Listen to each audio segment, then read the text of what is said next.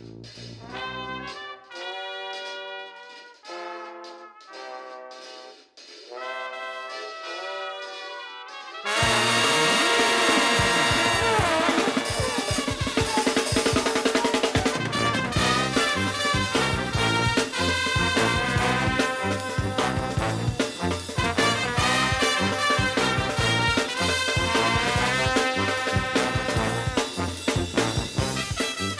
Helo a chroeso i benod 61 o Ysbeidiau Heilog gyda fi, Lee Jones. A fi, Llwyd Owen, lle byddwn ni yn rhoi sylw i'r pethau bach sy'n ei gwahaniaeth mawr i ni yn y cyfnod hollol honco yma, diben draw sydd byth yn dod i ben. Ie, yeah, diolch i chi am rando.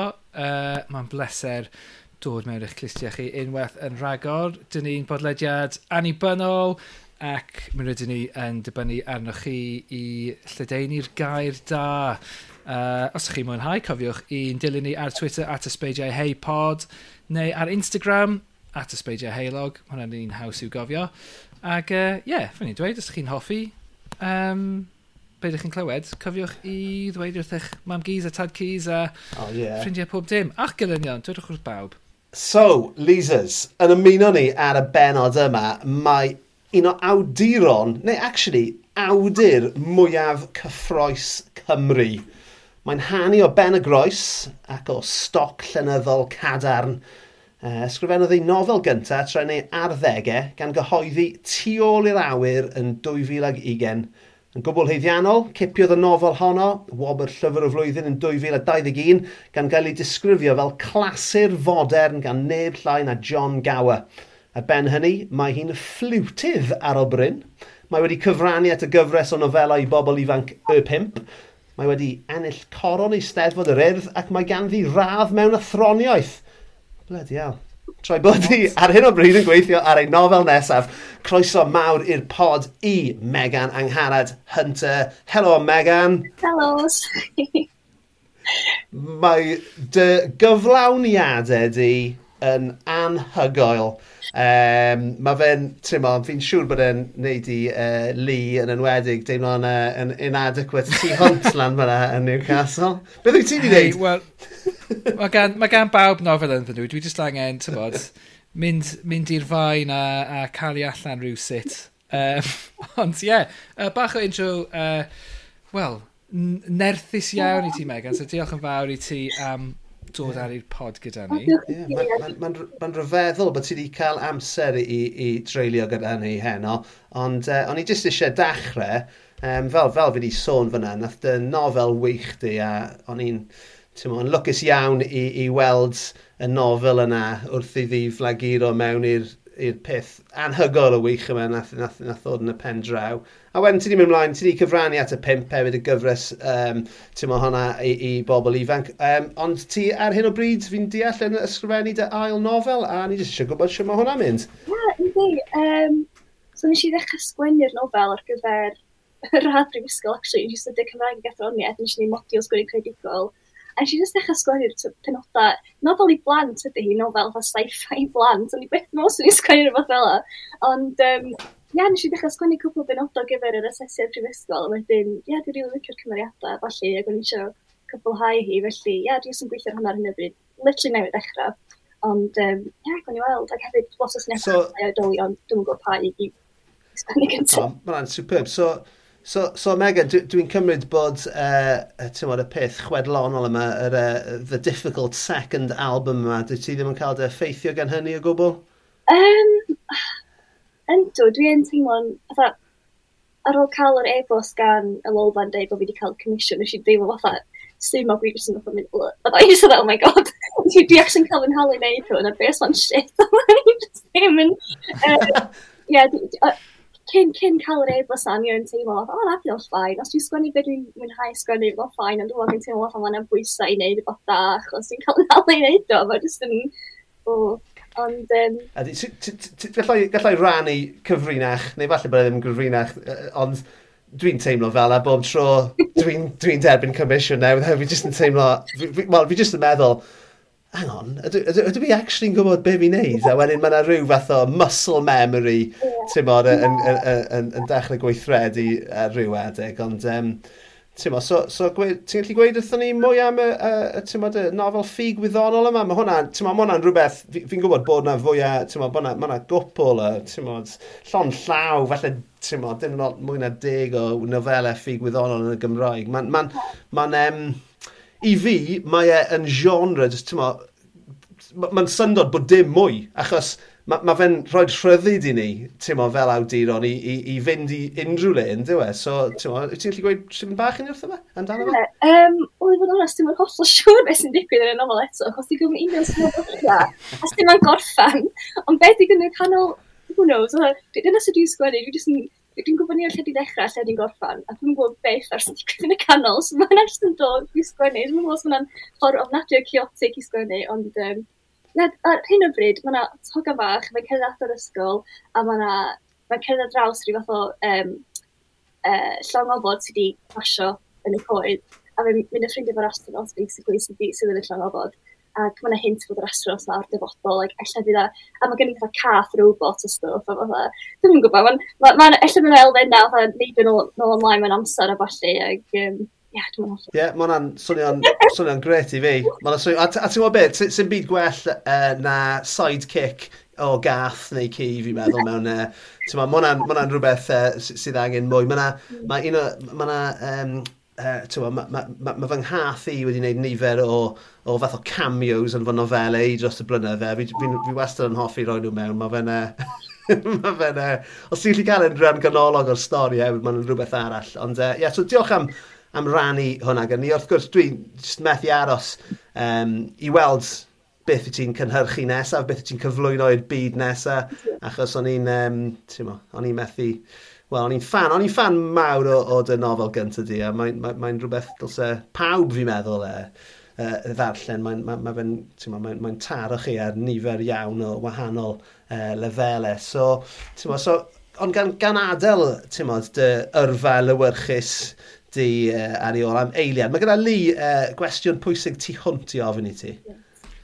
Wel, y, y gwestiwn llosg, Megan, beth yw dy hoff gaws di? Wel, gwestiwn pwysig i hwnt. Um, mae hwnna literally yn un o'r, ie, yeah, un o'r hoff gysiau achos um, fi yn hollol, hollol, hollol, hollol obsessed am caws. Dwi'n hollol sy'n just, os ni'n beth o caws bod fi trwy dydd a heb, heb arwyr heart attack i fi, mi fyswn ni. Um, ond, um, pan, pan o'ch chi'n chi'r cwestiwn at fi, o'n i'n meddwl, mae'r swn rhestru o hoff gaws yn meddwl, dwi'n meddwl just adlodd rhestru allan, ond um, os ni'n gorau dewis yeah. un math o gaws, oh my god, dwi'n meddwl sy'n dewis halloumi. Um, pan dwi'n hang, hangover, halloumi yeah. peth gorau, a dy ffraid halloumi, ydy'r fi yn bersonol ydy'r hangover cure gorau erioed. Um, yeah. Hangover ydy'r yeah. halloumi. Mae'r cheese just yn... Oh, Ie, yeah, a ti'n be, dim tir cynta, dim tir cynta i ddewis halloumi, a dwi, dwi wedi crybwyll y peth yn hynna, dwi'n meddwl taw halloumi yw probably y caws mwyaf fath o versatile sydd yn bodoli, um, ti'n gallu cael e i frecwast uh, fel fath o rhyw fath o substitute i facwn, ti'n gallu cael e i ginio, ti'n gallu cael e i swper, a ti'n gallu cael e fel snack yn ganol nos. Mae halloumi yn amazing, a dwi'n, dwi, dwi'n, dwi'n, dwi'n, dwi'n, Mae'n ma rhyfedd i feddwl, pum mlynedd yn ôl, o'n i byth wedi clywed am halloumi. O na. Pryd ys ti ar draws halloumi gyntaf? Um, Ella ti ar un pryd, actually. Oedd ddim yn... Na, oedd yn eitha... Ie, yeah, ella ti pum mlynedd yn ôl, actually. Ie. Yeah. Dwi'n cofio pryd. So. Ella dwi'n... Ie. Yeah. Fel bod fi'n cario hwnnw gymaint, ella dwi'n gallu cofio'r eiliad ddenged fanol honno, ond fi ddim yn cofio. Um, Dwi'n meddwl chos i'n bita gyda. Mae'n wir, dwi'n meddwl. Mae'n ma ma, e- ma teimlo fel bod e wedi jyst wedi ymddangos dros nos yn, let's face it, yn Lidl neu yn Aldi. a mae wedi ma cymryd dros, uh, wel, dim, dim, dim, y byd falle, achos oedd e yn amlwg yn bodoli yn rhan o'i helaeth o'r byd cyn hyn, ond ie, yeah, yn, yn, yn, yn cornel bach ni o'r byd. Nawr, y cwestiwn sydd gyda fi, siwr i ti'n, ti'n gweud bod ti'n offi cael ydi ffrio, mm. ond gyda, gyda beth wyt ti'n bwyta? Wyt ti'n bwyta fe fel rhan o fel fry-up? Ti, ti ddim yn edrych fel, fel, fel, fel rhywun sy'n bwyta lot o fry-ups, ond ti'n falle mae fi'n hollol anghywir fyna. Na, dwi'n bwyta lot o fried lumi, ond I just bwyta pen i hun. Nad os ti'n hangover, it's gael fried lumi pen i hun.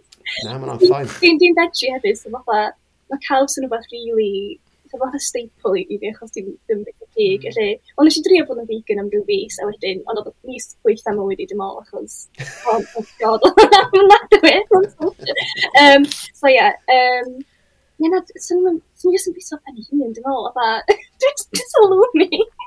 Dwi'n meddwl bod fi roed Just cymryd, cymryd y bloc a, a brathu'r bloc. Fel afal. Os ni ddim yn cael ei drwydro neu hynna, mi ddim swnni, dwi'n meddwl, ond...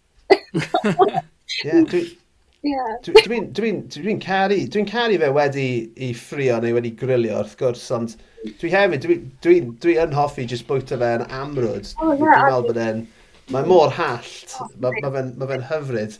Um, dwi, dwi hefyd, dwi wedi dod ar draws Ti'n ti offi nhw fel halloumi burgers? Oh, ti'n ti, ti, ti, ti, cael nhw'n lle burgers yn dyty a stwff fel halloumi fries. a ti'n cael fel, mae ma hwn yw'r cam nesaf, fel deep fries. So ti'n cael nhw mewn, mewn fath o brwsion bara, oh. ond wedyn yn deep fried sy'n sy oh. just, ti'n bod, mae hwnna'n heart attack food. Dwi'n meddwl bod hwnnw, gyda'r un peth halloumi fries, neu di hynna'n Ie, ie, rhywbeth, ie, rhywbeth fel e, dyfe, ond, ie, mae hwnna'n... Do, dwi'n meddwl ond bell ffaith. Os yeah. nhw'n mi ffrais ar menu yn unrhyw restaurant, na i ordro nhw, dim ots pa fod yn ydyn nhw, dim ots faint o fawr ydyn main meal, na i gael lwmi ffrais, na i orffan i gyd. Ie, ie, na, dwi'n dwi, dwi cytuno'n llwyr gyda ti. Beth, beth amdano ti, Lee, ti'n offi halloumi? Uh, Wel, be na i ddweud am halloumi yw, os dwi'n cael barbecue, na i wastad prynu bloc o halloumi ac uh, rhoi ar y barbecue. A dyma, dyma gyfrinach, reit, yn lle, achos mae yna ma dieddiad yn does. Os ydych chi'n chi mynd i grilio neu uh, ffrio uh, halloumi, ydych chi'n sleisio fe, wedyn grilio neu ffrio fe. Os ydych chi'n rhoi ar y barbecue, just rowch y bloc yeah. ar y barbecue. A wedyn ydych chi'n gallu sleisio fe. Sleisio mewn iddo fe wedyn. Mm. Unwaith mae di uh, cael ei goginio. Dyna'r oh. gyfrinach, oh. os ydych chi eisiau barbecueio. Just, just mewn amser ar gyfer barbecues yr hydref. yeah. yeah. So, so a ti jyst wedi crybwyll, Megan, bod ti yn lys fwy teiraig. Um, ers bryd ti yn veggie? Um, ers tua 5 mlynedd, dwi'n meddwl. Ie. Yeah. Um, yeah, dwi'n meddwl ers 5 mlynedd. So, yr un pryd yn eisiau darganfod okay. halloumi. Ers i halloumi. Ers darganfod halloumi. Ers i halloumi cael ei ddyfeisio. Ie, na. Yeah, that's it. So, os na, mae pobl wastad yn gweud wrth, wrth, wrth lisfwy teiwyr, a mae hwn, dwi'n siarad fel lisfwy teiwr, ti'n um, ond mae rhaid, ma rhaid bod ti'n gweld eisiau bac. Ond yn y gwir yw, mae ma, mae ma, halloumi yn, yn fath mm. yn, yn substitute yn uh, perffaith yn dweud i, i facwn. A, a dwi e ddim yn blasu o farwolaeth yw'r peth allweddol i fi. Stringi, Na, na, na, bendant, bendant. Dwi'n rodi meddwl am halloumi fel substitute i facwn o blaen, ond yn sicr, mae'n ma hall, mae'n well, Ti'n lli gweud bod fi'n bwyta lot o'n fe i frecwast yn amlwg, achos um, Ti'n fel na, fel na, ti'n fel, mae jyst, ma, ma, ma, ma jyst mor hallt a mae fe'n, mm. ti'n llunio cael yn crispy, mae fe'n, mae fe'n hollol, hollol hyfryd. So, yeah, lovely. So, halloumi, yeah, top tier, absolute yeah. top tier caws. Dim am heiaeth o hynny, llongyfarchiadau ti wedi ennill y rownd yna. um, mae hwnna'n arwen i mlaen at y cwestiwn nesaf, sef, beth yw'r peth mwyaf weird ti beth wedi bwyta? Okay. Um, ia, oedd hwn yn gwestiwn reit anodd i'n meddwl amdano fo, achos ers o'n i'n hogan fach, di osib bod eitha fussy eater, dwi'n tueddu bita bwydydd eitha saff. Um, felly dwi ddim fel arfer yn yeah. allan y bita bwydydd rhyfedd. Um, ond, i fod yn onast, rhyw ffefnos yn ôl, um, nes i fynd ar daith o amgylch Butte Park efo ffrind, um, efo rhywun yn tywys ni ac yn dangos y planhigion ti'n gallu bita am Butte Park. Um, yeah. Achos, oedd ni ddim yn planio neud hyn, ond oedd o jyst achos... Um, Oedden ni efo rhyw ddigwyddiad mawr oedden ni, oedden ni am mynd i'r ffordd noson hynna. Dwi'n meddwl rhyw premier neu rhywbeth, rhywbeth oedd yn rwy'n wedi bod yn rhan o rhyw um, ddigwyddiad yma. Um, a nath digwyddiad cael ei ganslo achos nath i busnes mewn dechrau oed farw. Ac oedd y digwyddiad wedi cael ei ganslo achos yna. Felly, um, nath, um, felly, nath ni, nath, nath ni ffrindi weld hwn ar Instagram yn cael ei hysysebu. A nath i fel, o, pan ti'n mynd i hwn yn oce, okay, pam ddim sgan ni'n byd arall i wneud. Felly allan ni, o'n glawio chydig bach, so ddim yn gred, ond um, gathen ni gael yn tŵrs am, amgylch bwyd Youth Park, ac oedd y person ma'n dysgu ni pa blanhigion oeddech chi'n gallu bita.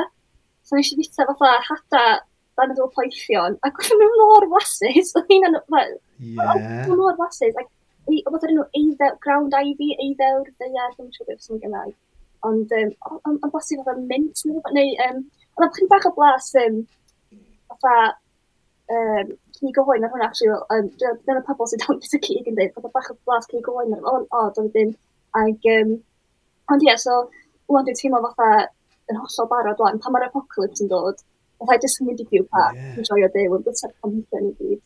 Um, so yeah. No, brilliant. yeah, so... Mae'n ateb ffantastig, mae'n yn wych, achos dyna'r peth, mae hwn yn rhywbeth, ti'n ni fel ti'n tyma, poblogaeth eh, cenedl, ni di anghofio'r pethau yma, right? So, so mae'r planhigion yma yn bodoli a mae yna gymaint o ddefnyddiau iddyn nhw fel, just fel pethau i fwyta, ond fel um, meddyginiaeth hefyd, right? Yeah. A mae ma hwn wedi mynd yn angof yn dweud yeah. i, i, ni fel cymdeithas. Yeah. A ti'n mo, um, Ond fel ti'n gweud, I mean, mae'r apocalypse yn dod, yeah. mae rhaid ni wynebu hwnna, e- mae fe ar y gorwel, a ie, yeah, so, so bydd e'n handi adnabod um, anghar, uh, Megan Angharad Hunter, ti'n modd, heliwr wrth ei henw a fforiwr uh, yn ymarferol. So, um, na, briliant, mae hwnna'n ffantastig. Ydy hwn yn rhywbeth sy, sydd yn digwydd yn, yn, yn parc biwt yn aml, ti'n meddwl? Achos fi eisiau mynd arno fe nawr. Ie, yeah, fi nath nhw ddweud bod yna ambell i gwydiau yn digwydd drwy gydol o flwyddyn. Dwi'n siŵr os fydd ein arall wan tan Gwanwyn, dwi'n meddwl, nath nhw dweud. Okay. Um, ond ond yn rhaid fatha madarch e falle hefyd. Um, ie, wel, actually, nath yn rhieni fi ffeindio madarch um, um, gan ein madarchen anferthol na maint fel um, yn y cae uh, cwpl o ddyddiau nôl. Ac oedden nhw'n meddwl bod nhw'n bwytadwy, oedden nhw'n meddwl na madarch y maes neu beth oedden nhw sy'n bwytadwy, ond hefyd mae'n abadarch, edrych yn edrych yn ofnadwy o debyg o'r enw Yellow Yellowsteiner. Um, felly oedden nhw'n trwy ddydd yn yeah. googlo'r madarch, mae'n gweld sy'n gallu bwyta nhw neu sy'n nhw'n lladd o'n ei geidio. Mae'n rhaid. Um, ond oedden nhw'n ddiwedd, mae'n rhaid gwynwynig. Wel, Mae rhaid bod yn ofalus iawn. Fel, fel, fel rhywun sydd yn, sydd yn caru madach, a dwi wedi dwi bod yn bwyta eitha lot o fadach y maes. maen nhw'n ma nhw popo rownd uh, rhywbeina eleni. Ond ie, yeah, mae rhaid bod yn ofalus, a dwi'n falch iawn bod y rieni di wedi cymryd gofal iawn a googlo popeth o fe, na'r na, na unig bit, twa, dyna. Ond dyna rhywbeth arall bydd yn diflannu ar ôl yr apocalypse, bydd dim Google, na, so bydd just... Mae jyst rhaid i chi. So, ti'n mo. So, ie, yeah, mae hwnna'n... Um, oh, clas, mae hwnna'n ateb ffantastig. So, um, Megan, ie, yes, so dyma ni, sbeidio heilog, ti'n mo, ni'n ni, ni, um, ni gwahodd yn gwestau i ddod i siarad gyda ni, a y peth, ti'n mo, pwysica ni eisiau gwybod yw, yw, yw beth, be sy'n neud i chi'n bwys... Uh, chi, y peth pwysica ni eisiau gofyn yw, beth sy'n neud chi yn hapus? So, Megan, beth, beth yw'r peth cyntaf ti eisiau rhannu gyda fi a Lee heno, neu dim heno, ar y benod hon? beth yw'r peth cyntaf ti eisiau rhannu gyda ni ar y benod yma? Beth sy'n neud ti'n hapus, Megan? Um, oh, ar hyn o bryd, beth sy'n neud fi'n really hapus ydy um, Bake Off. Nid y Great British Bake Off, dim yn galw e yna, Bake Off. Mm. A mi fydde fi'n un um, Jacks, just just Bake Off. a Poppy, dwi'n caru Poppy. O'n i'n un o'r bobl na, nath eich Poppy lot yn ystod lockdown, a o'n i'n meddwl o'n i lot gwella pawb arall achos o'n i'n gallu neud sourdough. Ond oedd y sourdough yn blasod yn ffig, oedd i dechrau tofi. Oedd o'n just ddim yn gret, oedd o'n oedd o'n Oedd afiach, oedd o'n gorfodi pawb i, i, i gymryd y, y, y o sourdough, so maen nhw fod yn anfarth iddyn nhw'n rhoi fi, maen nhw mor fflat oedd y pancake. o, maen nhw mor neis, na dwi'n ddim oedd yn afiad.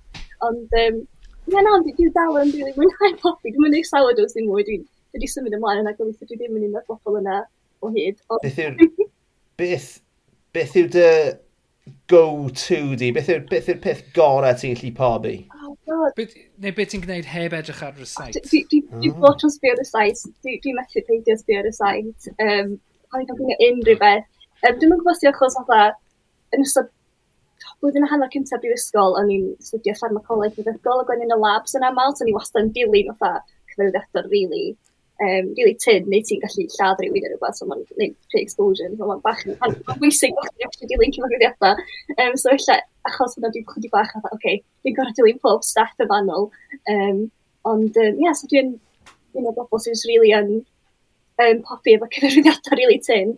Ond, um, yeah, dwi'n gwybod... Ond, ond i, i, i, i fod yn dig hefyd, Mae ma, ma rhaid i ti ddilyn cyfarwyddiadau wrth Bobby, achos mae'r yeah. mesuriadau a'r, ar ffordd i bwyso mor bwysig, right?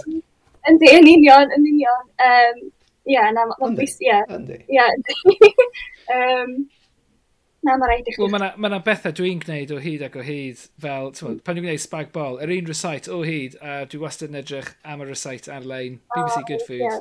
just spaghetti bolognese, bob tro, yr un, yr un recite bob tro, a ti'n tyma, pob dim dwi'n coginio fel yna, yr un recite dwi'n edrych fyny bob tro, er mod i'n, ti'n tyma, gwneud e o hyd ag o hyd. Ie, mae rhaid, rhaid, rhaid, rhaid, rhaid cael y, y, y, y mesuriad yma yn iawn. So, eto, beth yw'r dy hoff beth i? Beth yw'r peth gorau ti'n gallu pobi, Megan? Dwi'n gwybod. What's your showstopper? um, Dwi'n dwi tegio gwneud pethau gwahanol bob tro, dwi'n licio'r arbrofiau gan amrywio, ond dwi'n licio gwneud cacenni a fatha gen i tri tin bach gwahanol, dwi'n licio fatha, neu cacen efo tair haen. Ac wedyn, um, gen i fatha yeah. bwr bach, lle dwi'n fatha twistio fo rown, ac yn rhoi buttercream rownd efo i gyd, ond i'n well rhywch yn switch, a tri gwahanol fath o buttercream, a chocolate ganache, a falle, fatha, um, ia, yeah, dwi'n licio, dwi'n licio gweithio arno fo, a dwi'n y pen blwyddyn, dwi'n cofio, parti pen blwyddyn, dwi'n blynedd yn ôl, nes i, nes i weithio trwy dyr i am te saith awr yn neud y gacan ma.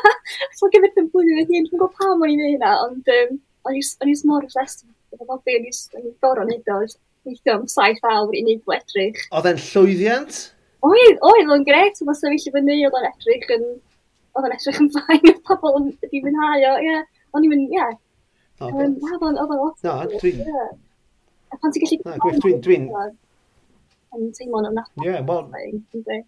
Dwi'n meddwl bod... Um, Ti'n mo, a, a, a ti di crybwyll uh, y cyfnod clo fyna, a fi'n meddwl, i lot o bobl, fi'n meddwl, mae yna jyst uh, cysur mewn bwyta. a wedyn, fel ystyniad o hynny, mae yna gysur mm-hmm. mewn creu a ma, mae pob un dod o dan yr adain yna. Wrth gwrs, mae ma fe'n rhywbeth dwi, dwi wrth y modd yn neud fy hunan. Mae yna Ma, a mae'r ma posibiliadau yn ddi ben draw.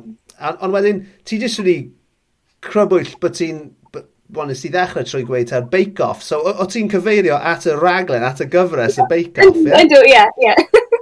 OK, na, mae hwnna'n, ti'n meddwl, hei, so ni'n, ti'n meddwl, does yna ddim beirniadaeth ar y uh, podlediad yma. Ni, ni actually'n cadw hwnna tan ar ôl i'r gwestau adael, a wedyn ni'n cael chat bach amdano chi ar ôl.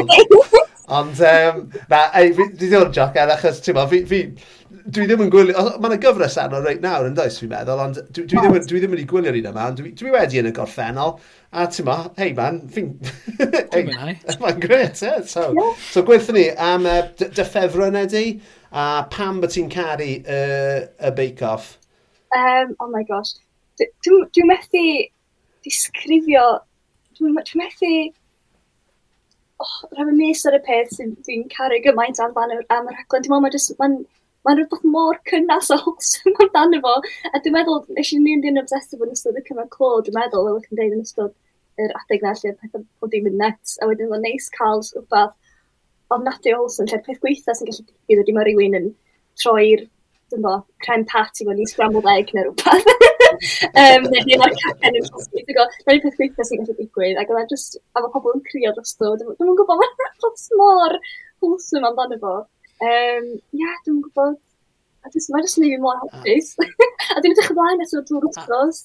Mae'n bob nos, i'n oh my gosh, dwi'n beico, dwi'n methu disgwyl tan nos fel, mae wsos fi gyd. So, am, um, yeah, mae'n cymryd dros y bywyd dwi'n pan ymlaen. Wel, ti'n gwbod, gallai fe fod yn wath, a mi gallai ti fod ar y crack. So, uh, ti'n yeah. mae Bake Off yn ffain. Mae hwnna'n iawn i fod yn obsessed gyda hwnna. Twtio'n gwyliach i fod yn obsessed efo. A fydda ti yn hyderus i fynd ar y Bake Off gyda dy sgiliau pobi? Na, no way. Um, na, dwi'n oedd nothing bell iawn iawn iawn i ffwrdd o unrhyw beth maen nhw'n gwneud. Um, So, ie, yeah, weithio ti'n dreithio, oh, sydd brofiad ysgol, oh my gosh, na. so, ni, dwi'n um, dwi, dwi, dwi ddim hanna'r cystal, um, dwi'n dwi dwi mwyn i fod yn popi um, ers chydig o flynyddoedd, ac, ie, na, dwi, na, ddim yn gwybod. So, ac hefyd mae'n terrifying o beth, a gorau neud o blaen, dwi'n gwybod sy'n mynd yn neud o, popi o blaen teledu, ac i fod cyfyngiadau amser, a fod, o, o, na. Ydy nhw'n ydyn nhw cael um, cyfeirio at, ti'n mo, recipe Um, Neu ydyn nhw'n gorff wneud popeth yeah. off, off i pen? Mae yna ma un round lle dydyn nhw ddim yn cael. Oes, oes. Right. Mae yna un rownd lle maen nhw'n... Technical yeah, challenge. Ie, yn union. um, yeah, nhw'n gwybod be maen nhw'n neud a maen nhw'n cael yr recipe ar yr eiliad. Mae yna rhyw fras receipt yn does, a mae rhaid iddyn nhw gweithio allan. Mae'n ma dweud, oh, cook for 20 minutes, a dwi ddim yn dweud ar bad ymheredd fath o beth. Felly mae rhaid iddyn nhw ddangos bod nhw'n deall sut i wneud y fath hynny o beth. Nw'n gwybod beth yw'r finished product, ond mae rhaid iddyn nhw ddangos right, okay, i well, nhw o sut i gael hynny. Fi'n meddwl bod gyda ni fan arall o Bake Off ar yr uh, podlediad heno. dwi wedi gwylio gymaint o Bake Off. Nes i ddim gwylio'r cyfres diwetha, a dwi heb ddechrau gwylio'r cyfres diwedd ar y chwaith. Ond, ie, uh, yeah, oh, dwi'n fan mawr o, o Bake Off. A, uh, ie, yeah, dwi'n mynd...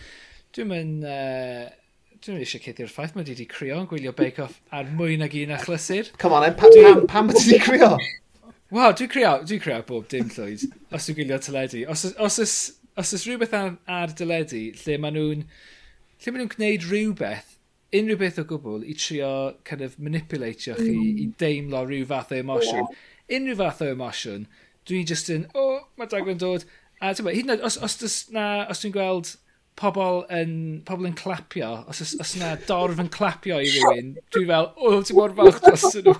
A mae'n ma, ma cymryd lot i fi beidio crio a just absolutely unrhyw beth. Nes i fynd i briodas rhywun, o'n i byth di cwrdd o'r blaen, ac o'n i'n dechrau crio pan o'n i'n cered lawr y flippin uh, lawr i'r ffrant. Felly, ti'n bod, uh, just bach yn soft ydw i, dwi'n meddwl, pan mae'n dod at um, mynegu uh, emosiynau. Neu falle, nid so, just, Just fath yn fregus a just yn really yn deall emosiynau fy hun, falle.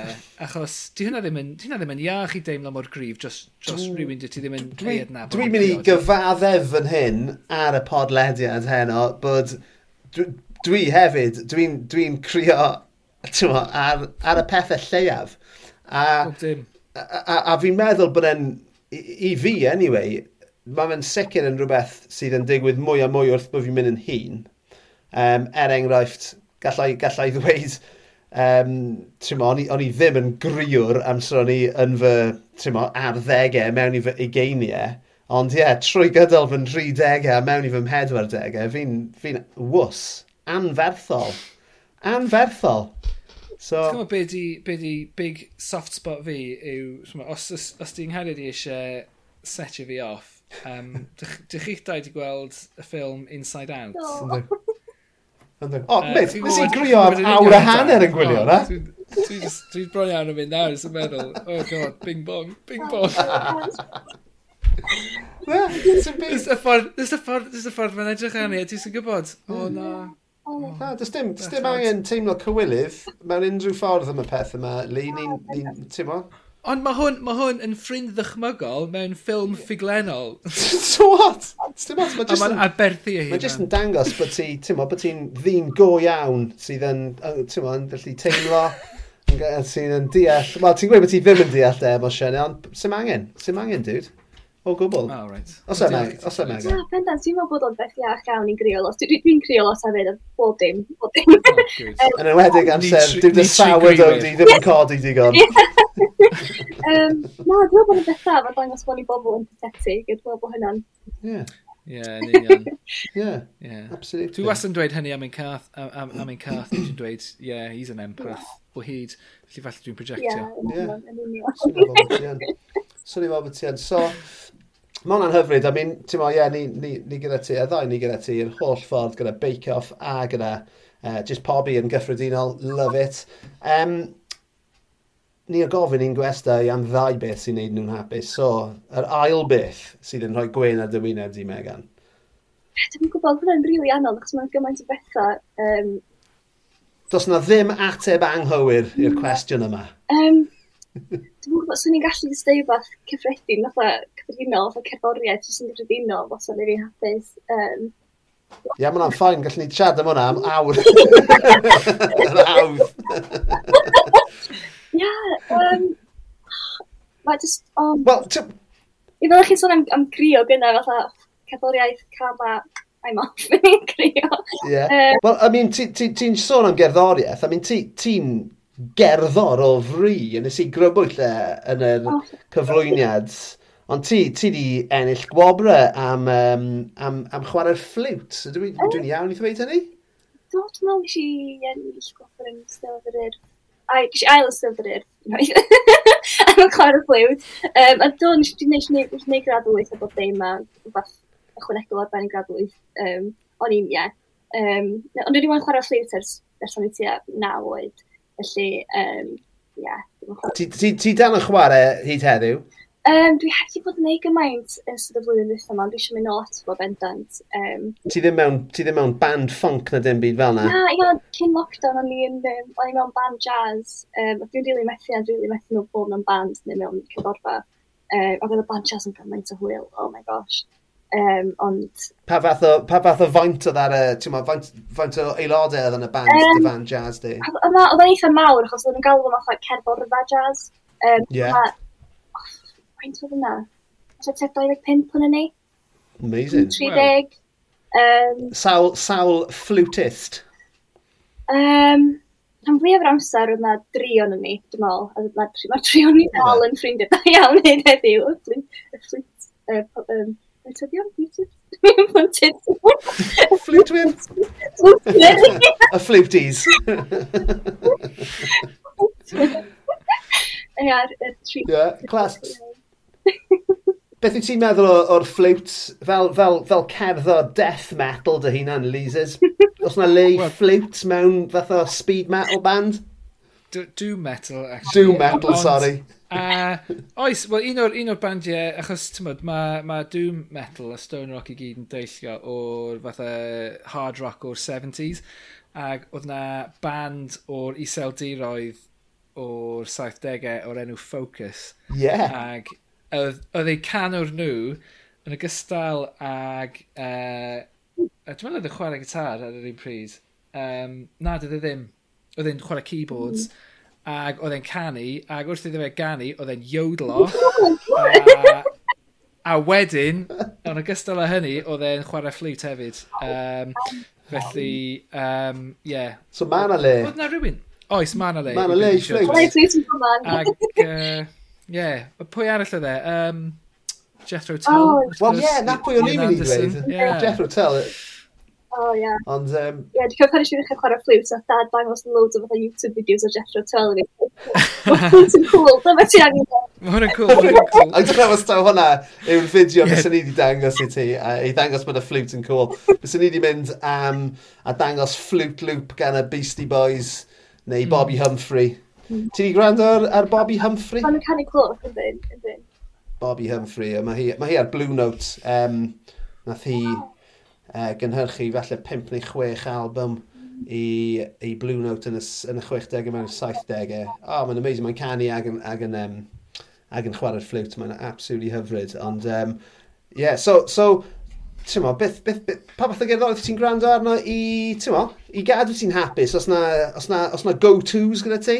Na, dyna'n peth, mae'n rhoi pobl yn gofyn o pa gerddoriaeth ti'n gwrando arno, fydra i ddim enwi dim byd, achos dwi'n gwrando o'r gymaint o wahanol bethau, amrywiaeth llwyr, ti'n go. Um, yeah. Ac hefyd mae'n dibynnu ar be dwi'n sgwennu hefyd neu be dwi eisiau sgwennu, achos yn aml iawn mae'r cerddoriaeth yn fatha, mae cerddoriaeth yn ysbrydoli be dwi'n sgwennu, lle fyddai'n yeah. fyddai gwrando ar gan a wedyn... So mae hwnna yn awgrymu bod ti'n gwrando ar gerddoriaeth tra bod ti'n ysgrifennu? Weithiau, di bynnu ar olygfa fel arfer. Mae'n wrando nhw fo jyst i gael syniadau. Um, okay. Ond tra ddim yn sgwini, ia, yeah, weithio, os, os, os mae angen. Um, Dwi'n gwybod, ia, yeah, weithio mi nai. Um, dibynnu ar y, dibynnu ar beth ni'n sgwini, allan. Dwi'n gwybod. Um, ond ie. Na, mae hwnna'n ddiddorol, ti'n ma. O'n i jyst yn gofyn, achos mae hwnna'n, ti'n ma, mae hwnna'n rhywbeth sydd sy wedi codi gyda fi dros y blynydde. Achos yn, yn y nofelau cyntaf ni, cyntaf fi, o'n i'n obsessed gyda um, dangos beth oedd cymeriadau yn gwrando arno. Oh, yeah.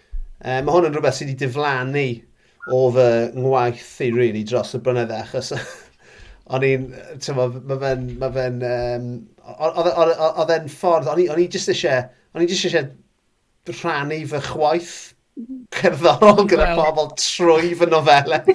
Sydd yn really wanky, right?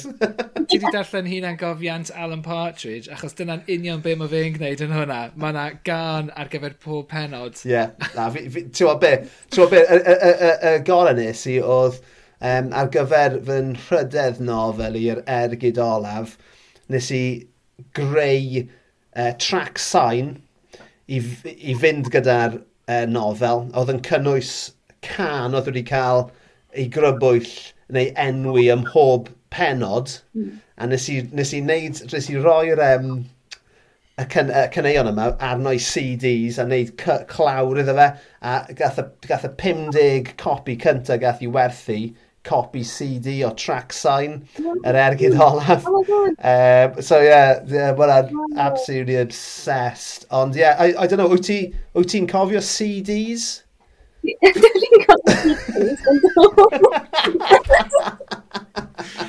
Just yn gofyn. Bwysicach, just yn gofyn. Bwysicach, yn bwysicach beth wyt ti'n cofio trydydd nofel llwyd.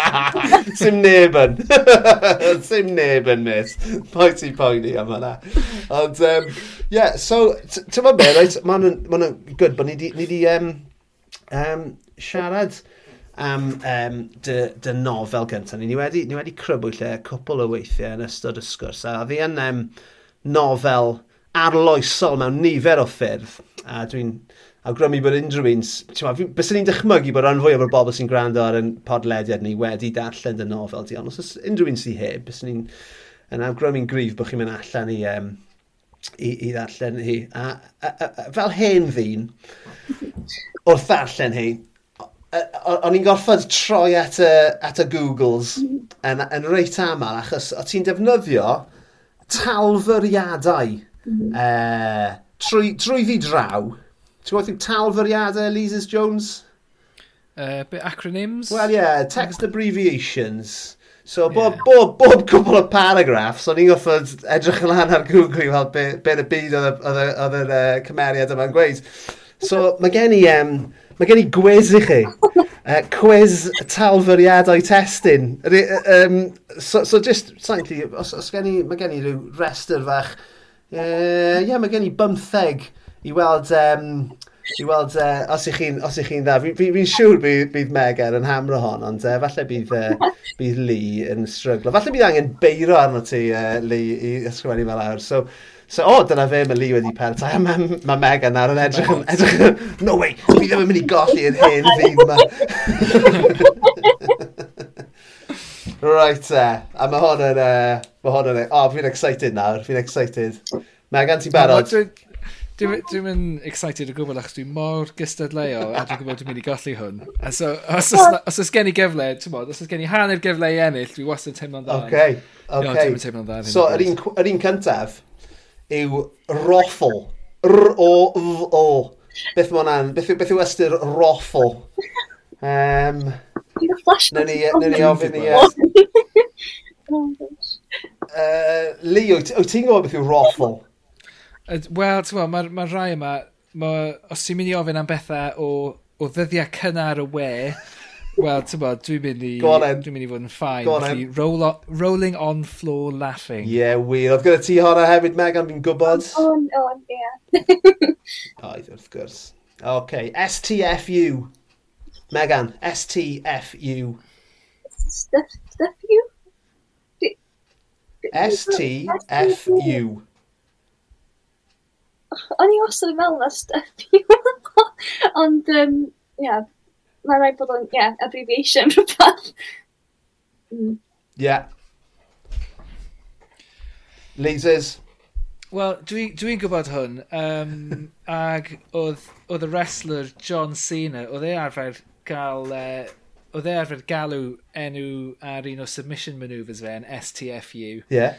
Um, achos oedd e'n fersiwn o, mae yna ma symudiad mewn wrestler o'r enw Step Over Toe Hold Face Lock right. sydd yn cael ei alw yn STF. So, ti'n modd, yr STF yw submission hold me, ond nath e jyst gael yr STFU, achos, ti'n modd, uh, e, mae STFU yn golygu shut the fuck ah, up. Uh, Waw, wel, so... diolch am yr, am yr ateb hir wyntog yna. Mae yna wybodaeth fyna, Meg, a mynd di byth yn gorff o cofio.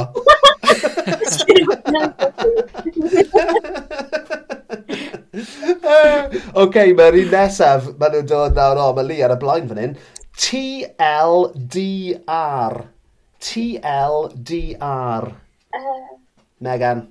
Ond mae Megan yn teimlo'r pwysau. Achos yn funud, um, too lazy didn't read. Yep, yeah, boom. Yeah. O ti'n gwybod hwnna, Lee? too long, oh, didn't we? Wel, ie, mae'r ddau mae'r ddau ar nhw. Mae'r ddau ar nhw iawn. Na, dwi'n gwybod. Hon, hon, mae'r un nesaf yma. Mae hon yn dod o dy nofel di. Hon oedd y tro cyntaf i fi weld uh, hon oedd yn dy nofel di. So, na i ofyn i Lee. So, NGL. Ti'n gwybod beth yw NGL, Lee? Not gonna lie. Not gonna lie. Yr un nesaf. OOTD. Megan. Outfit of the day outfit of the day, yeah man, yeah. Right Uh, yn un nesaf i Lee, TTYL. Talk to you later. Diolch, ie. Yeah. FYM, Megan. Hwn yn siŵr o fod yn rhywbeth ti'n ti gweud mewn bywyd di, bob dydd bys ni'n dychmygu. FYM. FYM. Fel Foxtrot Yankee Mike. Na, fuck your mama. Oh Ie, yeah, mae hwnna'n dod lan. Bob dydd fyswn ni'n dechmygu lan uh, yn, ym mhen y groes fyna, oh, yeah, Megan. Fi, fi, fi gyd yn gwybod beth mae FOMO yn meddwl, right? Yeah. FOMO, fear of missing out. SOS, Megan? Say, say boss, dwi'n gwybod sy'n Na, gen, na, dim ond y cyd-destun yma. Ti'n gwybod, Lee? Dwi'n na, dim siŵr am y cyd-destun yma. Mae hwn yn... Mae hwn, ma hwn, ma hwn nawr, mae hwn yn, uh, yn rhywbeth... Uh, mae hwn yn just someone over shoulder, so os oes rhywun yn... Uh, os ti'n trio cael ah. sgwrs gyf. Um, M-I-R-L. M-I-R-L. Yeah, me, me in real life? Ie, yeah, wir, da iawn. Lun, giamster ar y hwn. Ych yn y meddwl bod wedi bod yn gweud celwydd am ei oedran. Ers blynydde. Falle bod yn edrych yn hanner cant, ond dim ond 25 yw e. OK. Mae'r un nesaf yma i Megan. SSDD. SSDD. A mae hon yn un o'n, un o'n ffefrau neu. Oh my god. Dwi'n meddwl bod wedi gweld hwnna blaen. SSDD. Lee, ti'n gallu cipio'r pwyntiau? Dwi, dwi byth i clywed hwn. Same um, shit, different day. Oh. Same oh, shit, different on. day. Oedd gen i hwnna, di sgwennu ar... Reit, ni'n ni mynd nawr, reit, gan bod hon, mae hon yn bodled. Mae hon yn bodled ar yr teulu cyfan wrth gwrs, ond mae'n rhaid i ni rhoi rhybydd am y rhai nesaf yma, oce? okay? So, ond nid ar gyfer ffocin yeah. Mama. Na, mae hwnna'n ma hwnna hollol a dderbyniol ar unrhyw adeg o'r dyn. GYPO. GYPO. Wel, mae hwnna'n slafu rhywbeth... Uh, Ydy, ond dim, dim, dim na. E. GYPO. Get your penis out. Oh, Lee, ti mor agos. Ti mor agos. ti mor agos. Megan, wyt ti'n oh. ti gallu gwella ar hynny? Dwi'n methu mewn byd allu bod um, Oh my gosh. Okay. Get your pants off, yw e. Eh? Get your pants off. Get your pants off. OK, tri ar ôl. IWSN. IWSN. Unrhyw syniadau? Wel, ar, ar yr un trywydd, bys ni'n dweud, I want sex now. Boom! Wrth gwrs dy fod ti, you oh. fucking pervert. O'n i'n gweithio ti bod angen rhybydd ar y darn yma. Rhaid, dau ar ôl. Mae'r un yma, mae'r un yma. N-I-F-O-C. N-I-F-O-C. A, ti'n mo, a o'r, or canol lawr, mae hwn yn wir amdano fi nawr. N-I-F-O-C.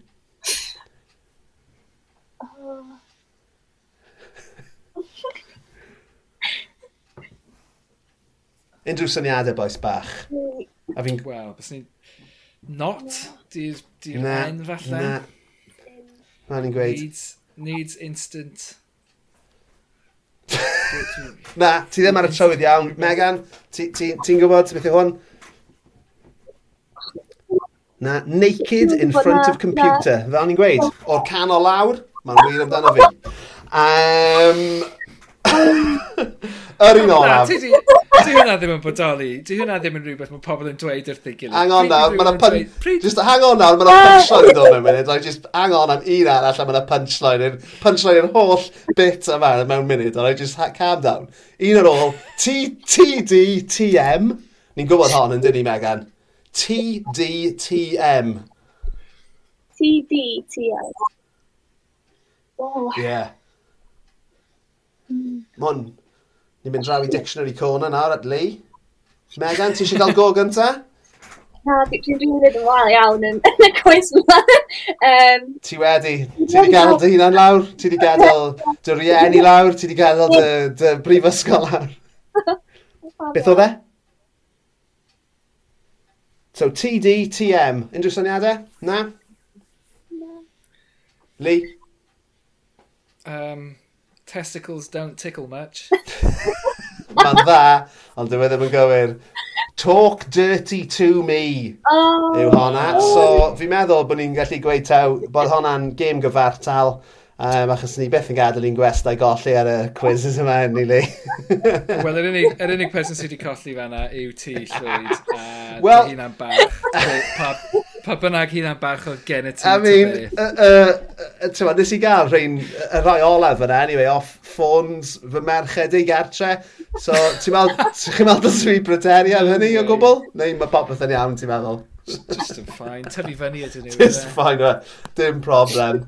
So anyway, yeah man. So yeah, dyna pam oedd rhaid i fi gael Google ar agor trwy gydol uh, darllen um, llyfr uh, Megan. I, I mean, y peth doniol yn dyfa Megan yw meddwl am yr holl fath o octogenarians Cymraeg yna sy'n darllen pob llyfr uh, sy'n dod allan a wedyn yn dod at y lyfr di ac yn, yn dod ar draws y pethau yna ac yn mynd fi jyst yn meddwl waw beth beth ti'n ma siwt o'n nhw'n ymdopi gyda hwnna ond um, ti'n ma siwt um, ymateb ti di cael achos dyna'r dyna peth weird am um, ysgrifennu yn Gymraeg yw bod bod y gynulleidfa di um, o ran oedran yn eang tu hwnt. Wyt ti di, ti di cael pobl o bob oed yna yn siarad gyda ti ac yn... Do, um, so, mae yna yn ers 90au sydd wedi darllen llyfr a mwynhau o.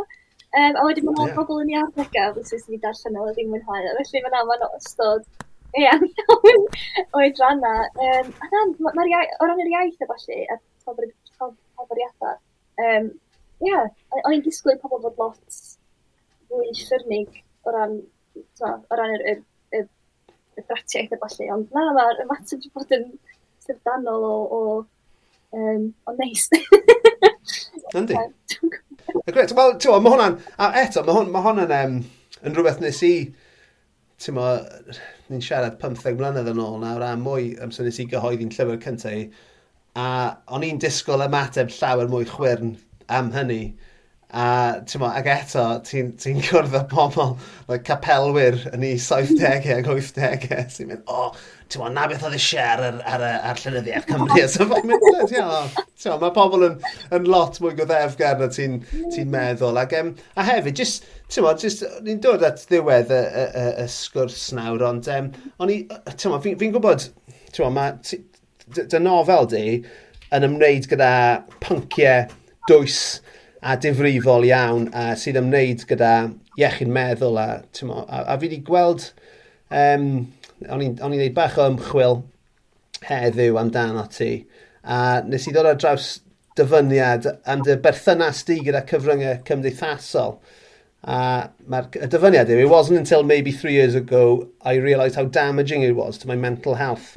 For so long in school, everyone is on these platforms. I felt like if I didn't post regularly on Instagram, then people are going to think I haven't got a social life. It's really sinister, and I've accepted it's definitely not true, and I'm much better off for it. O'n i just eisiau um, siarad gyda ti am dy berthynas di heddiw gyda y cyfryngau cymdeithasol, achos fel, fel rhywun sydd gyda rhywbeth i werthu, mm. mae'n anodd iawn wel, mae bron am hosib peidio bod ar y cyfryngau cymdeithasol. Ond siwt wyt ti'n delio gyda'r gyda'r y berthynas yna erbyn hyn? Ie. Yeah, um, os yn well gyda fi, os o'n i ddim yn gorau hyrwyddo fy hun ar y cymryd cymdeithasol, a jyst peidio bod arnyn nhw, achos dwi wastad yn teimlo bach yn sic, dwi'n mynd arnyn nhw achos dwi just, o, oh, maen nhw'n maen nhw'n just mor addictive. Dwi, dwi ar Twitter lan lot am y reswm. Dyna pan si ateb chi chi gyd mor sydyn. Yn arall dwi'n cymryd dyngau. Dwi'n cymryd gwyrddau at y bobl. Dwi'n jocio. Dwi'n just beth yn, yn checio pethau. Dwi'n cymryd literally dyddiau at y dwi'n gorau fi a falle teulu. Mae'n ofnadwy. Ond, um, ia, na, dwi'n dwi dileu rhai apps o Instagram. Ond dwi'n downloadio fe i postio rhywbeth. jyst i cadw following i fynd a falle. Um, mae'n, ie, yeah, mae'n ma really, ie, yeah, dwi'n so dwi'n meddwl sy'n i bywyd i wella os ni ddim arno fo, ond um, fel pobl sy'n hybryddo, da ni'n fel awduron pobl llawrydd, mae'n bwysig bod ni yn neud. Um, ie, yeah, yn hoffodus. Dwi'n gwybod sydd arall. Oedd y ti, achos ti'n meddwl, siarad fel tad i, merch, i ferched yn ei harddegau erbyn hyn, yeah. ti'n meddwl, ma, ma, ma nhw ar, ma nhw ar, ar y socials, mm-hmm. ti'n meddwl, trwy'r amser, a o, o, o bod, mae fe'n effeithio arna i, dwi'n gwybod bod e ddim yn iachus. Mm. Ond eto, dwi'n teimlo'n hollol, hollol, ti'n mo, ddi bwer os mae hynny un yn o'n air dros y peth. Yeah. Um, ti'n mo, be, be, be, ti'n mo, be, be, be, ti'n edrych nôl ar dy amser di, ti'n mo, yn dod trwy'r ysgol, a ti'n mo, be, be sy'n ti'n gallu Tewa, os gyda ti unrhyw gyngor i fy merched i. Na, wel, yn union beth ysgrifft dweud, fatha, ti'n allan fi bwer, fatha, ti'n gwybod, um, sa'n neis os oes ni, os oes ni ddim cyfryngau cymdeithasol yn, yn bywyd ni, wedi o ran y ffordd mae'n gallu effeithio pobl ifanc, ond da ni methu tynnu fo hwnna, mae'n ma, ma di treid yn rhydd o'n yn, yn y bywyd ni wan, dwi'n meddwl. Mae'n amhosib, mm. mae'n amhosib tynnu fo hwnna, mae'n amhosib, um, yeah, gwarchod yn plant ni oddi wrthyn nhw. Mae'n ma, ma, ma, ma sgeri, ond dwi'n meddwl mae jyst yn rhan mor ddofn o fywyd pobl ifanc wan. Ac achos bod bywyd cymdeithasol pan ti'n ifanc yn yr ysgol, bod y bywyd cymdeithasol mor, mor gil, ac ti'n teimlo mae rhaid i chdi gael social media, neu mae pawb yn meddwl o'ch ti'n ffric, ti'n? Felly, um, yeah. a jyst yn, dyna, dyna, dyna ydy'r gwir, mae'n un o'r pethau mae'n rhaid i chi wneud pan ti'n yr ysgol, neu ti'n jyst yn mynd i fod yr odlen out. Neu, bwysig bod yr odlen out yn yr ysgol. Felly, um, Na, fi'n gwybod. Ie. Dyna beth ni'n deimlo. Ie, mae'n... Mae ma, ma fe'n really, ma really tough. A ti'n mae gen i... A, a, ti'n ma, Ali fi'n meddwl, mae gen i real fath o love-hate relationship gyda... Mm. Gyda, yn ywedig Twitter, achos dwi, dwi ddim ar, dwi, dwi ddim ar Instagram a Facebook yn aml iawn, ond dwi'n defnyddio nhw fel offeryn i hyrwyddo fy hunan. Yeah. Ond ar Twitter, ti'n ma, mae Twitter yn, um, so, ar un llaw mae fe'r peth gweithaf sy'n byth wedi digwydd i'r ddynol rhyw. Ond ar y, ar y llaw arall, mae fe hefyd yn hilarious. so, mae fe'n ma fe really anodd fatha datgymalu a datgysylltu o'r holl beth. Ond, um, yeah, fi jyst, fi jyst yn gobeithio bydd y merched i'n dod trwyddo fe, timo, timo, mor gall a ti ar yr ochr arall, really. So, os maen nhw'n neud hynny, bydd e'n gret. Ond, um, yeah, man, ond uh, yeah, so... So ti'n os, os gyda ti unrhyw beth ti eisiau hyrwyddo um, cyn bod ni'n uh, ffarwelio, lle, lle mae'r lle ma, lle ma, um, gwrandawyr ni'n gallu ffeindio ti, ti'n mo, ar, gan bod i jyst wedi gweud, ar, ar, ar Twitter er enghraifft. Ie, wel, ar um, Twitter fe dwi, Megan, wedyn dau yn dysgol angharad, um, ac ar Instagram, Megan angharad, un yn dysgol, so, wahanol. Ond, um, ia, ond sôn am hyrwyddo, i fod yn onest, dwi'n um, o'n i'n recordio, nes i recordio chydig o gyneuon dros y cyfnod clo efo fy ewythyr i sy'n byw yn yr unol daleithio, sgwennu cyneuon a nes i gannu ar gyfer i bando. A mae'r cyneuon yn allan mis nesaf, dwi'n meddwl. Um, na, mae'r ma single yn allan mis nesaf, wedyn mae'r EP yn dod allan yn mis tachwedd. Um, a gwafa Rockets. Beth yw'r band? Gwafa Rockets. Waw. Syniad bod cool. Wel, na ni. Bydd ni defny'n hyrwyddo, bydd hwnna, bydd ni defny'n hyrwyddo hwnna ar dy rand i hefyd, ond hwnna'n ffantastig. Ti'n, ag, um, yeah, so, mlaen at ti, nawr, nôl at y gwaith, ni eisiau gweld yr ail nofel yna, cyn bo hir os gwelwch yn dda, ond uh, am nawr, diolch yn fawr iawn i ti am dreulio awr bach yn ein cwmni, a, ie, yeah, caru dy waith, a pob lwc gyda popeth ti'n neud, Megan. O, diolch, nes i wir fy hyn, diolch diolch am y gwahoddiad, oedd yn greu. Na, man... Lots o hwyl.